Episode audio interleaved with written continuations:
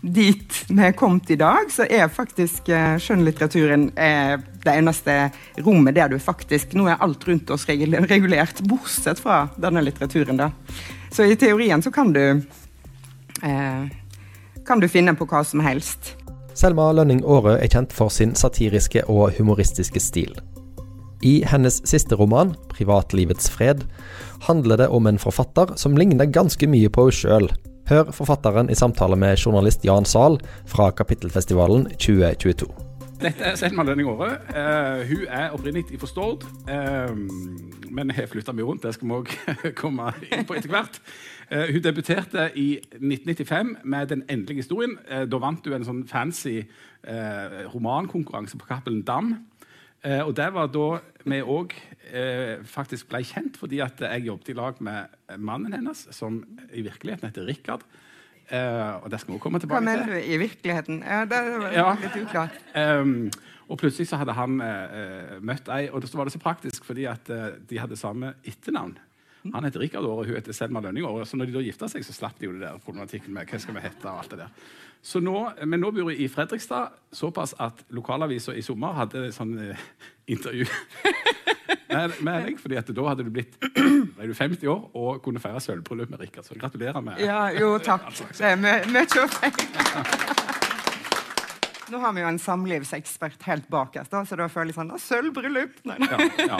Det tyder på at ting går ganske bra. Der bakerst. Ja, ja, tyder på det. Ja. Um, så er det altså sånn at uh, Privatlivets fred den kom ut i uh, høsten 2021. Uh, eh, anmelderen i Adresseavisen han mente at dette var rett og slett høstens morsomste roman. Det er heller ikke så verst. Uh, så for å begynne i en ende Hvem er det denne romanen handler om? nei, altså Den handler jo om en forfatter datter eh, som er gift med Gerhard, som er mannen hennes. og som, Når du sier at min mann i virkeligheten heter Rikard, så har jeg jo bare én mann, og han fins i virkeligheten. Ja, det er ikke sånn som Emma, hun fins bare i fantasien. Det men, det, ja, men, dette handler om en forfatter som kan eh, kanskje ha noen likhetstrekk med meg, men som for uh, guds skyld ikke er meg. For denne karakteren gjør en del ting som jeg ikke ville gjort, tror jeg. Eh, men, eh, men, hun eh, opplever jo da at altså Sånn som veldig mange forfattere opplever. Så eh, folk er veldig greie, da. De kommer gjerne med forslag om hva du bør skrive. Uansett hvor du 'Å, jeg vet du skulle skrevet om det.' Og du skulle skrevet om nordsjødykkeren, og du skulle skrevet om onkelen min som har opplevd mest fantastiske ting. Og dette er jo velment, og jeg er glad for det, men jeg har aldri opplevd at jeg har tenkt 'ja, jommen skal jeg ikke gå hjem og skrive en roman om onkelen din, du, for da eh, høres kjekt ut. Så, så, da har jeg på en måte tenkt at dette stort sett er ting jeg må finne sjøl når jeg skal skrive. Men eh, karakteren min i romanen, som ikke har noe navn, egentlig, hun opplever da at hun møter et menneske som hun blir så begeistra for. Eh, og de blir på en måte enige om at de skal skrive dette mennesket sin historie. Eh, og i virkeligheten så skjedde det jo meg noe sånn litt, eh, litt av samme. da. Eh, jeg møtte noen, ble veldig begeistra for det, ble enige om å skrive historien deres. Brukte ganske lang tid på det, ett og et halvt år eller noe sånt. Og så fant hun ut at eh, hun hadde ikke så lyst til å være med i noen bok likevel. Eh, og da oppstår det jo et eh, problem, både av emosjonell og økonomisk art. fordi eh, forfattere befinner seg jo til stadighet i et kretsløp med stipend, og der de må produsere og bli belønna for det på ulike måter. sånn at eh, Da er det jo veldig vanskelig. Eh, og da tenkte jeg i mitt eh, stille sinn at jeg er jo forfatter, og jeg kan jo gjøre akkurat hva jeg vil. Det er ikke en domstol i verden som kan ta meg på dette hvis jeg gir ut den boka. Og dessuten så har jeg jo nå på en måte flytta inn i denne historien med mine komma og punktum og ord og eh, satt mitt preg på denne historien, sånn at nå tilhører den jo òg like masse meg som deg. Så ja. den gir jeg ut. Eh, og så møtte jeg jo litt sånn En, jeg er jo feig og ikke så glad i konflikt, egentlig. Eh, så, og så begynte mor mi begynte å blande seg inn, og mor mi blanda seg stort sett alltid inn i alt. Eh, og hun syns ikke at jeg skulle, hun vil jo ikke at jeg skal gjøre noe som skaper konflikt. Og, og eh, ja, flere blanda seg inn, og så til slutt så bestemte meg for å, i virkeligheten da, å gi opp den historien. Eh, Men så var jeg òg såpass uh, sur og lei at jeg tenkte å skrive en roman om da, å gi opp en roman. Uh, så det er jo en bok om en bok som ikke ble noe av, på en måte. Og så, etter hvert som jeg begynte å skrive, så ble jeg jo på en måte glad i den tanken òg. Det første jeg tenkte, var jo at litteratur For meg så handler iallfall god litteratur om Eh, erfaringer som er gjenkjennelige, eller et eller annet. Og da å gi opp er jo òg en erfaring. altså Det er vel flere som har erfaring med å gi opp enn å fullføre. I fall. Så, ja.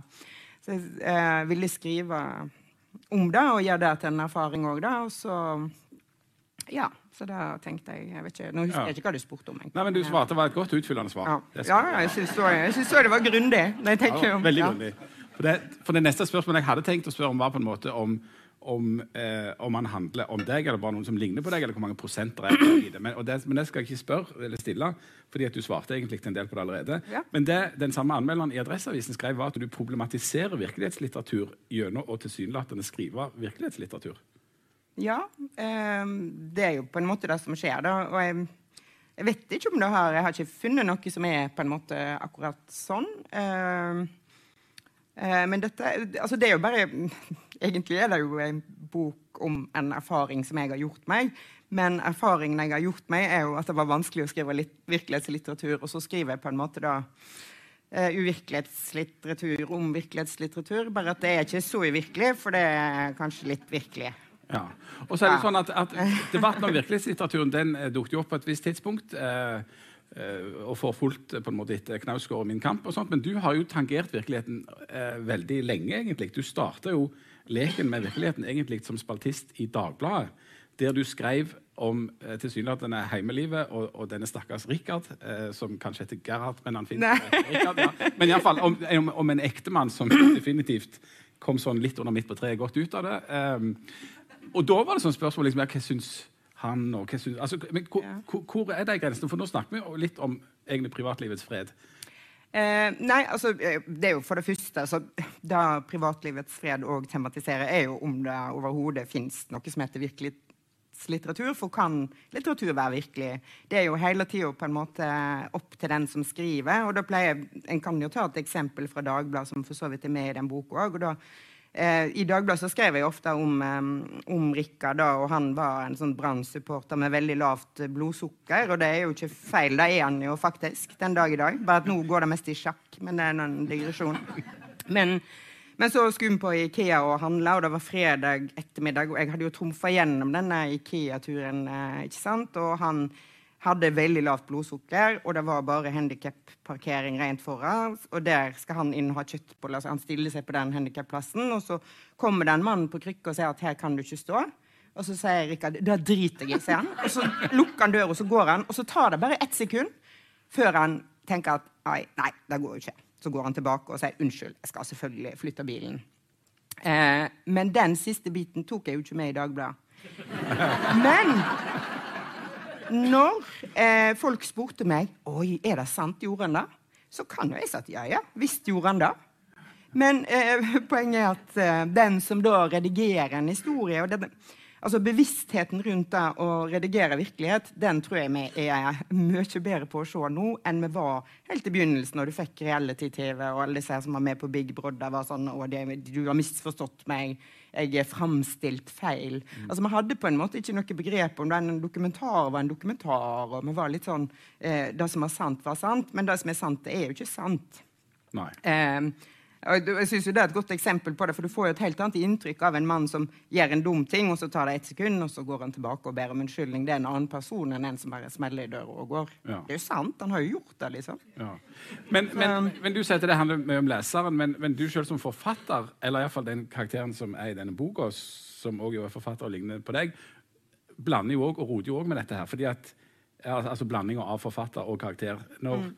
du eller eh, den navnløse forfatteren her i boka leser eh, Per Petterson, så ja. tenker du at Per Petterson er glad i napoleonskake fordi romankarakteren hans Arvid Jansen er glad i napoleonskake. Ja. Og det er jo òg noe jeg har med. altså Det er det når eh, forfatteren har fått eh, naboens avføring i hodet fordi at eh, ja, det er en muffe, visstnok eh, heter dette på rørleggerspråket, som har løpt løpsk, og så har eh, den avføringen egentlig rent ned på mens hun skal på forlagsfest eh, i den nye Ganni-kjolen sin. Dette er en lang historie, ikke så forferdelig langt fra virkeligheten, faktisk. Eh, og traumatiserende nok. Men så skal jo dette badet renoveres da på forsikringen, og så kommer det en eh, rørlegger som er forferdelig lik på Per Petterson. Og dette blir jo en enorm stressfaktor for forfatteren som sitter der og skriver og beundrer Per Petterson veldig og ikke klarer å konsentrere seg da når han går fram og tilbake med flise hele tida. Eh, og så begynner jeg å tenke på Per Petterson og noe av det òg faktisk sant. Ja, nå høres jo dette ut som det er rene biografien, hvert, men, men eh, jeg bodde Det er en scene i eh, en av disse Arvid Jansen-bøkene der eh, han sitter og spiser napoleonskake med mammaen sin, og så eh, forteller han mor at han har slutta på videregående, og så slår hun til han i fjeset. For, eh, og så hver gang jeg gikk forbi da eh, konditoriet, så så jeg liksom alltid at Per Petterson satt der. Eh, og så tenker jeg at han er nok veldig glad i napoleonskaker. for det jeg også. Men så, så, vet jeg jo da at da trenger han jo ikke være, for da man skriver at Arvid Jansen, som òg ligner litt på han, er glad i napoleonskake. Eh, så dette er jo på en måte sånn, sånn kan en jo bare Og det er jo sikkert mange som tror at jeg gjør alt som står i den boka der, men da gjør jeg jo ikke. Jeg tøffer meg jo litt, og ja, vice versa, faktisk. For, for, for å sitere fra romanen det var jo en roman jeg hadde lest, og romaner er jo ikke sanne. Ikke på den måten. Nei. Men er ikke romaner sanne? De er jo sanne på et uh, estetisk plan. og det er jo ikke sånn, altså Du kan finne erkjennelse som er sann, tenker jeg, i, uh, roman. Men, men, akkurat sånn hva som er, hva som er altså Folk er jo egentlig, og jeg sjøl er jo akkurat like veldig opptatt av hva som er sant. Jeg kjenner jo mange forfattere, og det betyr at når jeg leser mine kollegaer, så sitter jo jeg og lurer på ja, jeg husker det der, jeg husker den episoden der, og, mm, og nå har han gjort det sånn, ja.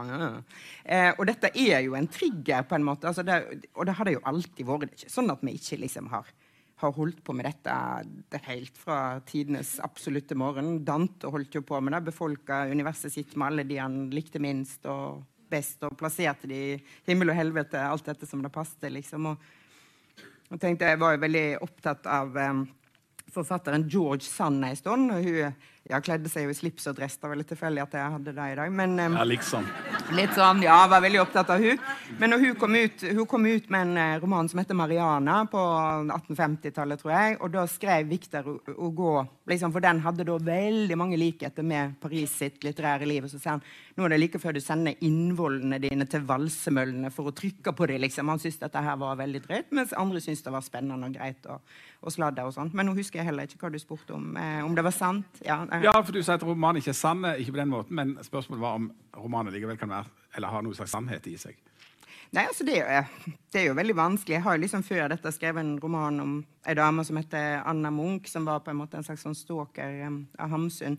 Og, og, der har jeg på en måte etterstreba å skrive noe som er sant. Men, men, jeg vet jo at det er helt umulig. Mm. Det er helt umulig for meg å eh, kunne gjengi på en sann måte hva hun tenkte, og hva hun følte. og, sånn. Men det er jo et forsøk på å skape én sannhet, da, eller et bilde av noe som jeg tror kan ha vært sant. Og, og noe annet kan det jo ikke gjøre. Men, men, jeg tenker at erkjennelsen i god litteratur den er jo sann, og den er jo sann på et annet plan enn eh, eh, om man sto til høyre eller venstre, eller um, hadde blå eller grønn bukse på seg. Mm.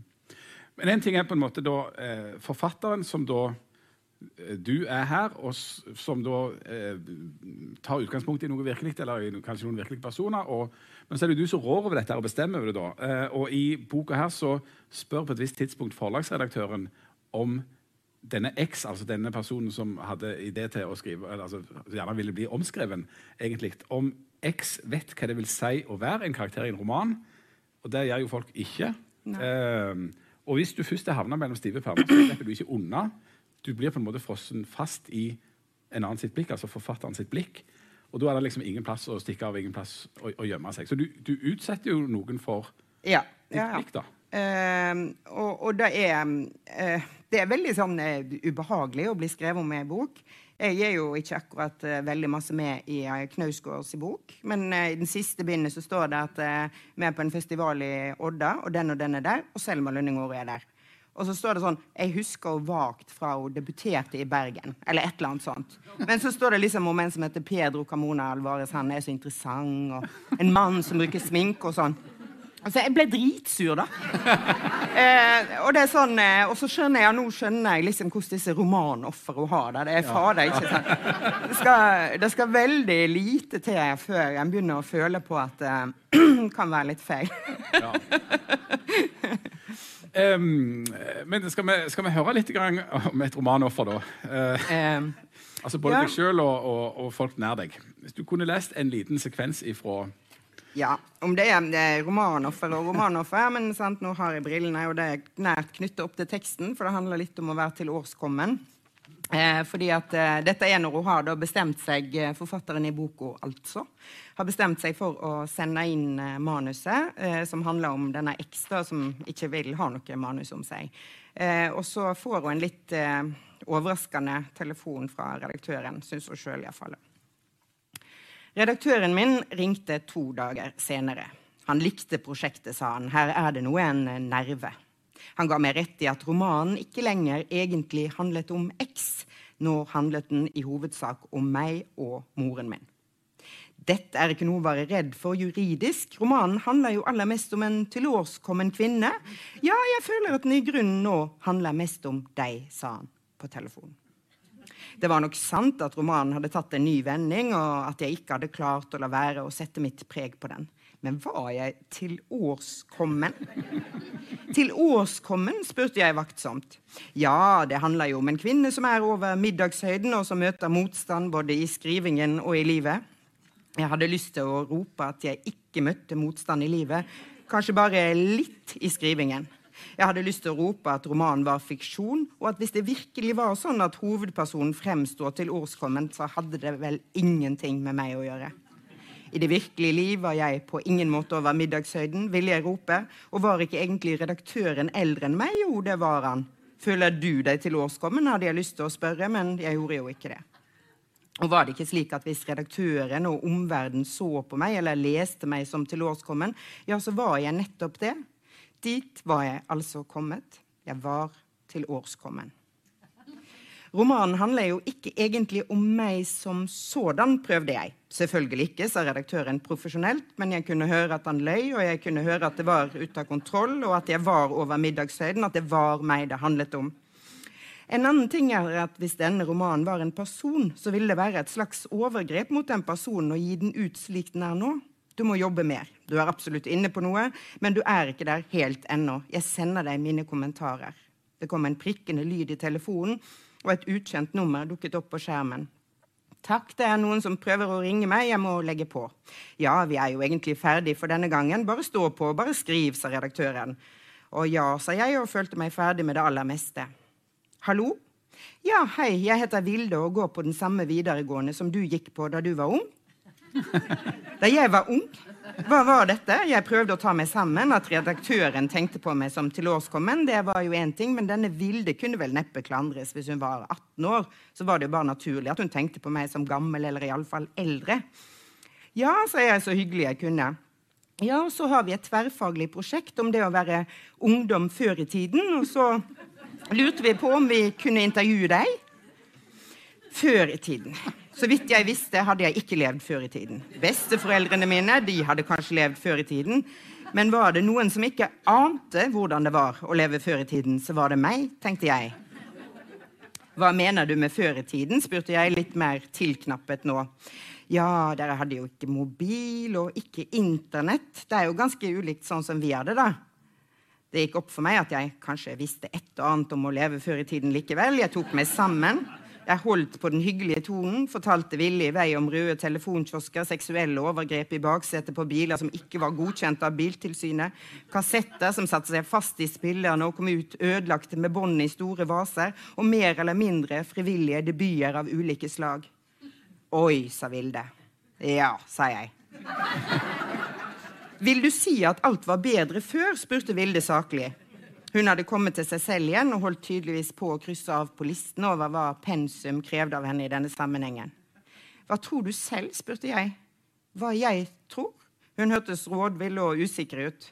Ja, er ikke dette en analyse som du og medelevene dine må gjøre? Vilde ble stille, og så la jeg på. Jeg la bare på. Ja.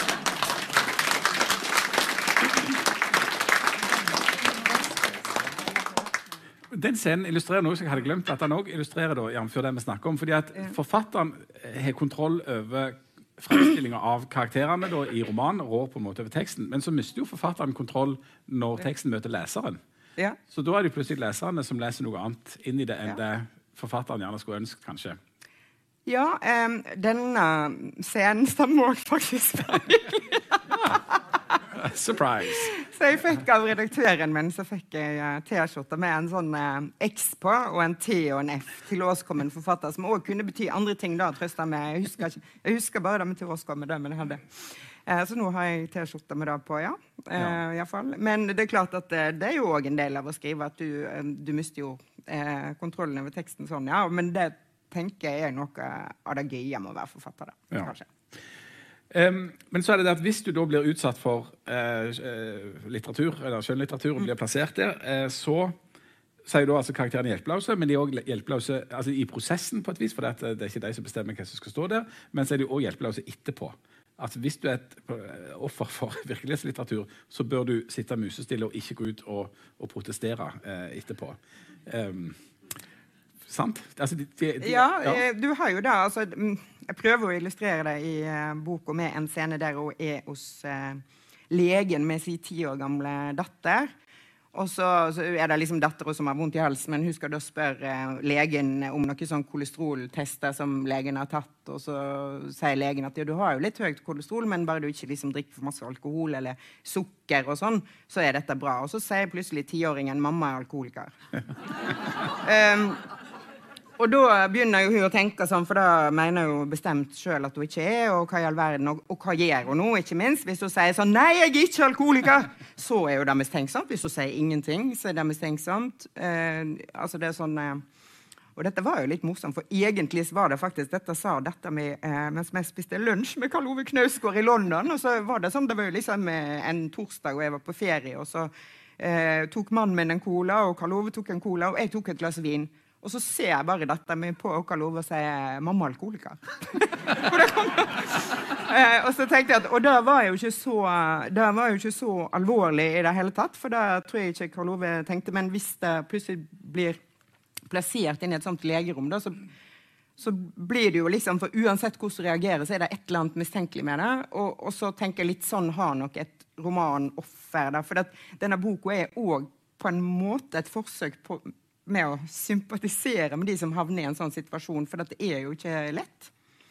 Og etter det så endrer jo òg forfatteren i boka litt sånn etter å ha opplevd det. For hun våkner jo dagen etterpå, da er hun henvist til den kommunale rusomsorgen. For hun går jo bare ut herfra. Eh, og, og da, etter det så ender hun òg på en måte liksom syn på det å være fanga i en annens narrativ da, på den måten. Og så er det sånn at X, altså denne, denne personen som, har, som gjerne først vil at forfatteren skal skrive denne boka, X sitter ikke stille i båten. X protesterer og nekter å være med på, på dette prosjektet. Og, og, og, og, liksom reagerer helt motsatt på, når hun får se teksten enn det forfatteren hadde drømt om. Og sender eh, tekstmeldinger, går over til sånn kommunikasjon via tekstmelding, rasende. Eh, og liksom vil ikke være med på dette. Og da svarer forfatteren jeg er forfatter og kan gjøre, jeg kan gjøre hva jeg vil. Historien er ikke din. En historie er ikke noe man kan eie. Og får da til svar fra X du er det mest egoistiske mennesket jeg kjenner. Stemmer det? Er det ja, stemmer det. Er, det, er, er, det, er forfattere de mest egoistiske menneskene? Ja. Jeg, jeg, jeg så en sånn Hemingway-dokumentar, og der ble det jo sagt flere ganger de rundt den at liksom, altså For å være en stor forfatter så må du være enormt egoistisk. da. Eh, så jeg er ikke eh, så stor og ikke så Jeg vil tenke da å være kvinne, for det er jo noe som romanen på en måte problematiserer litt av å være en kvinnelig skribent. Fordi at jeg Uten at jeg liker det, så tror jeg at eh, kvinnelige skribenter ofte er mer fanga i den loopen med å måtte ta hensyn. Da. Altså, det er noen som er veldig modige. Sånn Vigdis Hjorth er veldig modig. Hun, hun skriver. Jeg er feig. Eh, så da prøver jeg å tematisere. For jeg er litt sånn fanga sånn Hva vil ungene mine tro? Hva vil mor mi tro? Og det er liksom, sant, Når du akkurat er ferdig med mor di, og hun er i ferd med å liksom forsvinne ut og bli mindre lydig, så kommer liksom ungene opp bak. Så jeg tenker litt sånn, Det er litt som å være 15 år og stå og smugrøyke sånn Og så står far din og pikker det bak der, liksom. Eller, um, at uh, jeg tenkte Først så smugrøykte jeg for uh, foreldrene mine, så smugrøykte jeg for ungene mine, og nå har jeg slutta. Uh, uh, men jeg har jo ikke sluttet å skrive. det har jeg ikke gjort. Men, men, det er på en måte da å være kvinne, det tror jeg òg Altså, du Du skal føde barn, og du skal liksom ta det rommet, da. Eh, og i denne boka så kommer jo koronaen, og så er det liksom det å kunne finne et eh, rom i huset en skal kunne være på skal kunne jobbe og skal kunne avgrense. Det har jeg alltid følt har vært vanskeligere enn eh, kanskje han Gerhard i boka føler. Ja. ja. altså, Tittelen stammer jo ifra en, en uh, bestemmelse i Er det straffeloven? Ja. Mm. Paragraf 267. Den som gjennom offentlig meddelelse, meddelelse, krenker privatlivets fred, straffes med bot eller fengsel inntil ett år. Og Forfatteren i boka spør seg jo sjøl om krenker jeg privatlivets fred. Og hva svarer du da som forfatter? Mm, jeg har jo gjort det litt med å gjøre det jeg har gjort nå, og jeg er klar over det. Men jeg håper at jeg har gjort det på en mer skånsom måte. på en måte. Jeg skrev en roman som jeg lovte å ikke gi ut, og jeg lovte å ikke snakke om det temaet. Og det gjør jeg jo ikke i boka. Du får aldri vite hva den romanen handler om som forfatteren skrev. Så jeg har på en måte holdt et løfte, men jeg syns jo eh, altså I forhold til straffeloven det er straffbart å krenke privatlivets fred, men det er jo ikke straffbart å skrive litteratur. Eh, og på en måte er det ganske rart, for litteraturen er jo det som den, vår første litteratur begynner som lovtekst. Altså De første tekstene vi har av litterær kvalitet, er lovtekster. Det er Bibelen, det er Gilgamesh-kvadet, det er tekster som er de greske tragediene som forteller oss hvordan vi skal leve. gir oss sånn, eh, Og de greske tragediene, Ødipus og sånn, utøver strafferamme for hva altså du tar livet av eh, far din og ligger med mor di, og da skal du, de stikke ut øynene og forvise deg. Det er det som er straff, liksom. Et slags rettsvesen. Og så, dit vi er kommet i dag, så er faktisk eh, skjønnlitteraturen eh, det eneste rommet der du faktisk Nå er alt rundt oss regulert, bortsett fra denne litteraturen. da. Så i teorien så kan du eh, kan du finne på hva som helst. Og jeg sånn, for jeg satt mange år i lagmannsretten som eh, meddommer. Borgarting lagmannsrett, og så Alltid når det kom inn et vitne, så var det sånn du må, du må love å si det som er sant. Og hvis du vet noe som har betydning for sannheten, som du ikke sier, så er det òg straffbart på samme måte som å lyge. det. Og det er jo det forfattere gjør. Det er jo det jeg gjør med den Ikea-historien om mannen min. At jeg tar vekk en del som gjør at historien framstår annerledes. Og sånn. Og i en rettssal, i et virkelig forløp, så er jo dette straffbart. Men i litteratur så er det jo bare å kjøre på. Ja. Så er det litt sånn artig. Men i tillegg til å, å skrive om, altså leke med virkelighetslitteratur, så handler jo romanen veldig mye om å skrive og om å være forfatter. Eh, mm. alt ifra ideer til skriveprosessen, som du jo snakket litt om nå. liksom Å finne det der rommet sånn nærmest fysisk eller til å skrive. da. Eh, men si, si, litt om eh, forholdet ditt til ideer og menn i en bar. Nei, altså hovedpersonen eh, i boka ser på, på uh, ideer litt som menn i en bar. At uh, i mørket så er de kjempefine. Og så eh, er de ikke alltid Av og til så våkner du opp, og så vil du bare at ideen skal gå hjem. Eller av og til Jeg, jeg tenker jo liksom at å, jeg kommer på ting, og det er så bra, og jeg skriver, og når jeg ser på det neste dag, så tenker jeg hva i all verden tenkte du på? Men noen eh, menn er jo så hyggelige at du vil ta dem med deg hjem. Og du eh, vil ta dem med deg hjem til foreldrene dine. Og du vil dra på ferie med dem. Og når de er så gode, altså når ideene er så gode at du tar dem med hjem på ferie og hjem og på ferie, da er det ordentlig. For en idé er jo noe, altså, eller en roman er jo noe du skal leve sammen med i to eller tre år. og en gang ganske treg, så, så du skal være lenge i lag med den ideen. Og da må den være skikkelig god. Og vet, det jo... Finnes det en formel for hva som er en god idé? Altså, hva er det som kjennetegner den gode ideen eh, versus den dårlige?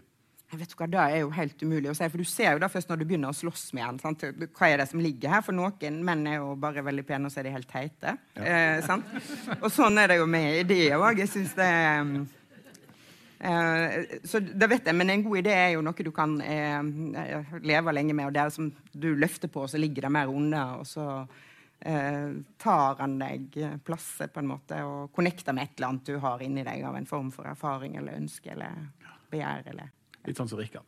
Ja. um, og så er det denne skrivinga, da. Der eh, siterer du òg litt fra forskjellige folk eh, i denne boka. F.eks. Thomas Mann sin definisjon av en forfatter. Nå blir det litt på engelsk. A writer is somebody for whom writing is more difficult than it is for other people. Og eh, Forfatteren her i boka er langt på vei enig. og Da kan en jo spørre seg hvorfor i all verden er du forfatter? Nei, det er jo fordi det er for seint å finne på noe annet nå. Eh, og det Ja. Men jeg eh, angrer jo på det, ja. Er du gæren? eh, ja, rett Ja, så er det ikke nødvendigvis en gave til familien heller. Du siterer Jane Mykle. Alle forfattere bør være gift, men ingen bør være gift med en forfatter. Men så tenker jeg at da gjelder jo da eh, mannlige forfattere. Oi, ok. Ja. Kvinnelige forfattere. Alle bør være gift, men kvinnelig forfatter. Ja. Ja, så Bortsett fra at de tjener veldig lite penger, så er de jo veldig mye hjemme med barn. Og, Ja. mm, så jeg syns jeg tror det har vært bra. Men nå begynner ungene å bli store. Da er jeg ikke så ja. nyttig lenger, kanskje. Som jeg var før. Nå tenkte jeg at vi skulle gjennomføre et brudd i denne samtalen. Ja. For temaet for kapittelfestivalen er jo brudd. So don't tell her er kjempespesielt. Ja. for det er veldig mange eh, brudd i denne romanen. Eh, for denne karakteren bryter med eh, veldig mange forskjellige ting. Så jeg tenkte om du kunne si noe om å bryte med ting. For å starte med heimbyer. Altså, Karakteren eh, har brutt med Stord, med Bergen og så med Oslo, og bor på dette tidspunktet i Fredrikstad. Det med å bryte opp ifra der en bor. Står det at eh, karakteren kommer fra Stord? står Vestlandet.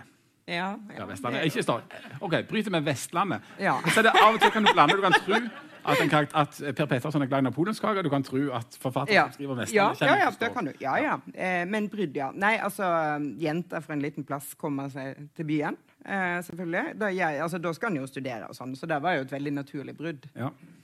Um, og så det har jeg jo ikke, jeg har ikke gjort, eh, så ja. Bor litt her og der. Ja.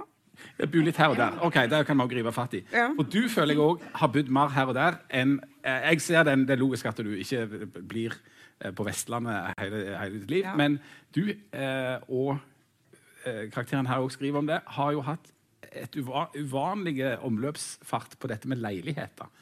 Mange av oss hater jo å flytte eh, og begynne på nytt i et ny, ny plass. Jeg eh, Not so much. Ja, du elsker det. Ja. Hva er det du liker med det bruddet? Med å skifte plass og bo? Nei, jeg liker, jeg liker begynnelser, da. Det handler jo romanen egentlig på, om et sånt Altså hvis jeg kunne på en måte skrevet en roman som bare besto av begynnelser, eller gått ut og bare spiste tre forretter istedenfor en hovedrett, noe jeg for så vidt gjør ganske ofte. Altså bare sånne masse sånn begynnelser syns jeg er fint. Og en ny leilighet er jo en begynnelse. Det er jo et eller annet som skal formes. Og, og ofte så er det sånn at når jeg er ferdig å pusse opp, så eh, begynner jeg å se på Finn, da, og så Ja. Så har det gående. Så det, det er liksom sånn det er at jeg liker liksom den Jeg liker jo den på en måte reisa det er å finne noe som er skikkelig stygt, og så gjøre det sånn som jeg syns er fint, og så Ja. eh, gå videre, da. Så eh, jeg, ja. Jeg burde jo egentlig gjort det som en jobb, men jeg syns ikke det er gøy å gjøre det for andre, bare for meg sjøl. Faktisk, og det er litt trist, for jeg kunne sikkert blitt altså sånn, I boligmarkedet i Oslo en gang tidlig på 90-tallet så kunne jeg hadde jeg kanskje sluppet å være forfatter. da. Ja.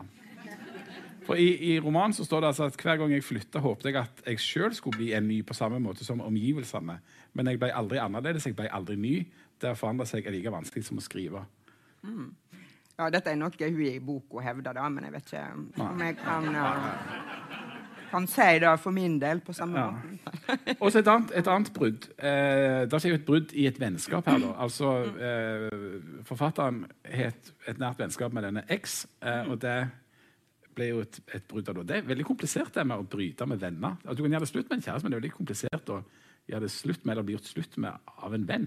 Ja, og dette er jo et sånt um, intenst vennskapsforhold som uh, forfatteren flytter til en ny by og møter dette mennesket og blir nesten litt sånn uh, forelska og, og beundrer dette mennesket enormt. Og skal da liksom skrive historien og glede seg sånn til å vise uh, X hva hun har skrevet, da. Og så er plutselig X av en helt annen oppfatning. og når forfatteren da tenker at jeg må jo likevel gi ut denne boka, jeg har jo ikke noe valg, verken økonomisk eller på andre måter, så begynner jo X å være truende, liksom, å komme med trusler, rett og slett. Um, Og det syns jo selvfølgelig eh, forfatteren er vanskelig. Og, og konflikt i det hele tatt. altså All litteratur eh, bør visstnok inneholde konflikt, så sånn sett så er det jo bra. Men jeg, personlig så er jeg veldig lite glad i, i eh, å være uvenner med folk. Ja. Det, det liker jeg ikke. Nei. Eh, Til gjengjeld så er det jo ingen brudd i familien, da. Ja, Verken med mann eller barn eller eh, ja, familie. og sånt. Så det er jo topp stemning. Ja, Sønnen knakk begge armene da, for noen år siden. Ja, ja, men det er et, et, et. Eh, Men så er jo det, det ultimate bruddet i livet er jo døden. Og det er egentlig ganske mye død òg her. Ja. ehm, nei, men eh, tenker ikke alle litt på den? Eh, Ja, Noen tenker mer på den andre. jeg vet jo ikke engang at jeg har skrevet om døden, men uh, den er jo allestedsnærværende, den antagelig. Uh, nei, jeg, jeg tenker jo en del på Eller, nei. Det er Nils Øyvind Haagensen som gjør det, egentlig. Jeg um, Nei, jo, men jeg er redd for å dø, da. en måte. Det er jo Ja, uh, Gruer meg til det. ja. Ja. Jeg tror ikke du kommer til å tenke så mye på det etterpå. Nei, etterpå. Ehm, eh, nei, altså da, da vet, Det kommer jo an på hva en tror på. og da, Jeg er jo ikke så rent lite religiøs heller. Så jeg eh, tror at det, ja. Du, Jeg er veldig spent på hvor jeg havner, da. ikke sant? Ja. så- da kan du få bekymre deg for det til evig tid. Ja, det er jo akkurat det. Når du har lest Dante, vet du, så blir du jo engstelig for at du skal bli plassert aller nederst under den brennende lavaen. Ja Ja. til evig tid. Og så snakket du om at du eh, Eller at den eh, personen som snakker i den boka, er i hvert fall veldig glad da, i begynnelser. Og en begynnelse er jo også egentlig et brudd. For du bryter jo med det som var, og så begynner du på et eller annet på nytt. Ja, altså, jeg, jeg er veldig glad. Altså, jeg, jeg tror hver dag så har jeg liksom sånn åh, eller, Og titler òg har jeg det. Titler og begynnelser. Da. Åh, bra tittel, bra begynnelse. ja. Men så um, ja, det, er jo å komme lenger da, som er det mest krevende. Og det, det er jo klart eh, eh, når, jeg, eh, når jeg skriver sånn, Nå har jeg et manus jeg skriver i, og så hver dag så skriver jeg et nytt første kapittel. Og når jeg da går gjennom alt materialet jeg har om det temaet jeg skriver, så er det liksom ti første kapittel. da. Og det er jo utfordrende, for da må jo de på en måte det bruddet de begynner med, må på en måte meisles inn i historien. da. Så jeg jobber egentlig sånn med å skrive alle disse begynnelsene, alle inngangene jeg har til historien, og så gjør jeg det om til én, på en måte. Rett og slett. I en parentes her nå.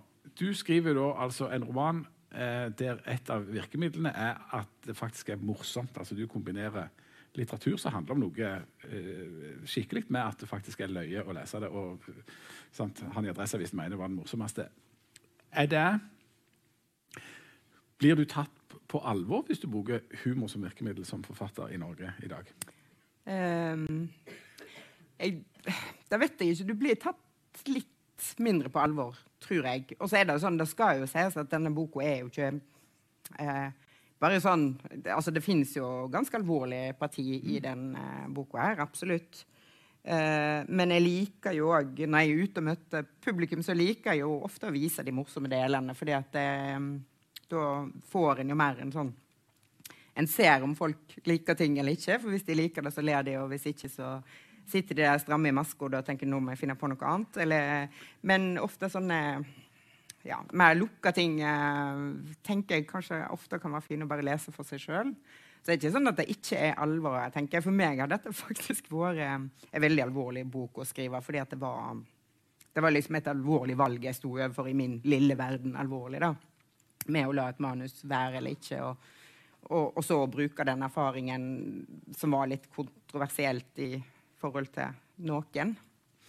Eh, men jeg tror at eh, humor Selvfølgelig kan humor hjelpe deg til å se ting som òg er alvorlige, men jeg tror at når folk ler, så ler de, og så glemmer de fortere hva de har ledd av. Og hvis du griner, så husker du lenger hva du har grenet av. Altså, det er noe som over tid gjør større inntrykk på deg. Jeg husker best de triste filmene. Jeg husker veldig sjelden komedier. Sånn. Jeg husker bare at jeg likte de, men jeg husker ikke hvorfor. Ja. Så sånn er det kanskje med bøker òg. Men hvorfor, ja, for, det, for jeg er jo helt enig, det, det er jo altså, det er jo en bok om alvorlige ting, og det er alvor. Det, det, det handler om noe, om noe skikkelig. Men det er et virkemiddel, altså et av mange virkemidler er humor. da. Altså, eh, Hvorfor velger du da å bruke det hvis du mener at en husker bedre det en har grener av? Nei, jeg, jeg tror det er mm, unaturlig for meg å være så gravalvorlig. Altså, jeg sliter med det, og jeg husker første gang jeg skrev en bok som heter 'Vil noe mer' i 2003. Og var, det var den første boka jeg skrev der det liksom ikke var noe morsomt som jeg visste om, iallfall. Men så viste det seg var jo noe der òg. Men, men jeg husker det at å, å bruke patos og stå foran folk og lese ting som var skikkelig vanskelig og vonde. Jeg synes det var helt forferdelig. Og så hadde jeg sånn, eh, når jeg var ute og reiste, så hadde jeg sånn samling med Dagbladtekster. og Den hadde jeg alltid ved sida av. Så da lei jeg meg gjennom sånn 20 minutter med sånn forferdelige ting. Og så leste jeg litt fra Dagbladet. så liksom, Jeg føler det blir, jeg syns det er vanskelig, da. Jeg tør ikke, rett og slett, å være alvorlig. Mm. Ja. Eh, så står det jo òg at, eh, at eh, den som snakker her i boka, ikke er like glad i slutta som i begynnelsen. Hvorfor ikke? Nei, det, slutten er jo Det er jo døden. døden nei, jeg er jo glad i. Nei, altså det, nei, Når noe er så er det jo over. da. Hvis det som har vært, har vært fint, så er jo um, I går sto jeg foran to uh, andreklasser uh, ganger to. Og da var jeg veldig glad når det var slutt, for det, de var kjempeskjønne. Men jeg tenkte å, hjelp, dette ja. Eh, så noen ting er en selvfølgelig glad for at den er slutt, men generelt så er jo altså, Forfatteren i boka er glad i, glad i begynnelser, da. Ja. Det er det som er at jeg tror egentlig alle liker litt at Iallfall hvis de er lovende, da. Lovende begynnelser. Ja. Men en, en fin avslutning kan jo være noe av det som gjør at historien ble fin? Ja, absolutt. Ja. Eh, og ja, altså av ja, her er den jo veldig sånn um, Den er jo veldig sånn klar og lukka og fin og god for uh, Det var godt for meg å avslutte denne boka og legge vekk uh, hele greiene. Det var en veldig sånn god ting for meg, egentlig. Uh, så, sånn sett. Men det er noe det, det, er jo noe jeg skrev, da. Du må ikke liksom henge deg opp i alt, da. For jeg um, hadde Det kan men, en, men en avslutning er jo en logisk følge av at noe har begynt. Ja, så det um, Ja. Stemmer, stemmer det? Ja, stemmer det. Og sånn sett så kommer jo avslutninger som en naturlig del av historien. Mm eller en avslutning kan komme av at eh, tida er brukt opp. Ja. Ja. Åh, åh. Nedi, nedi.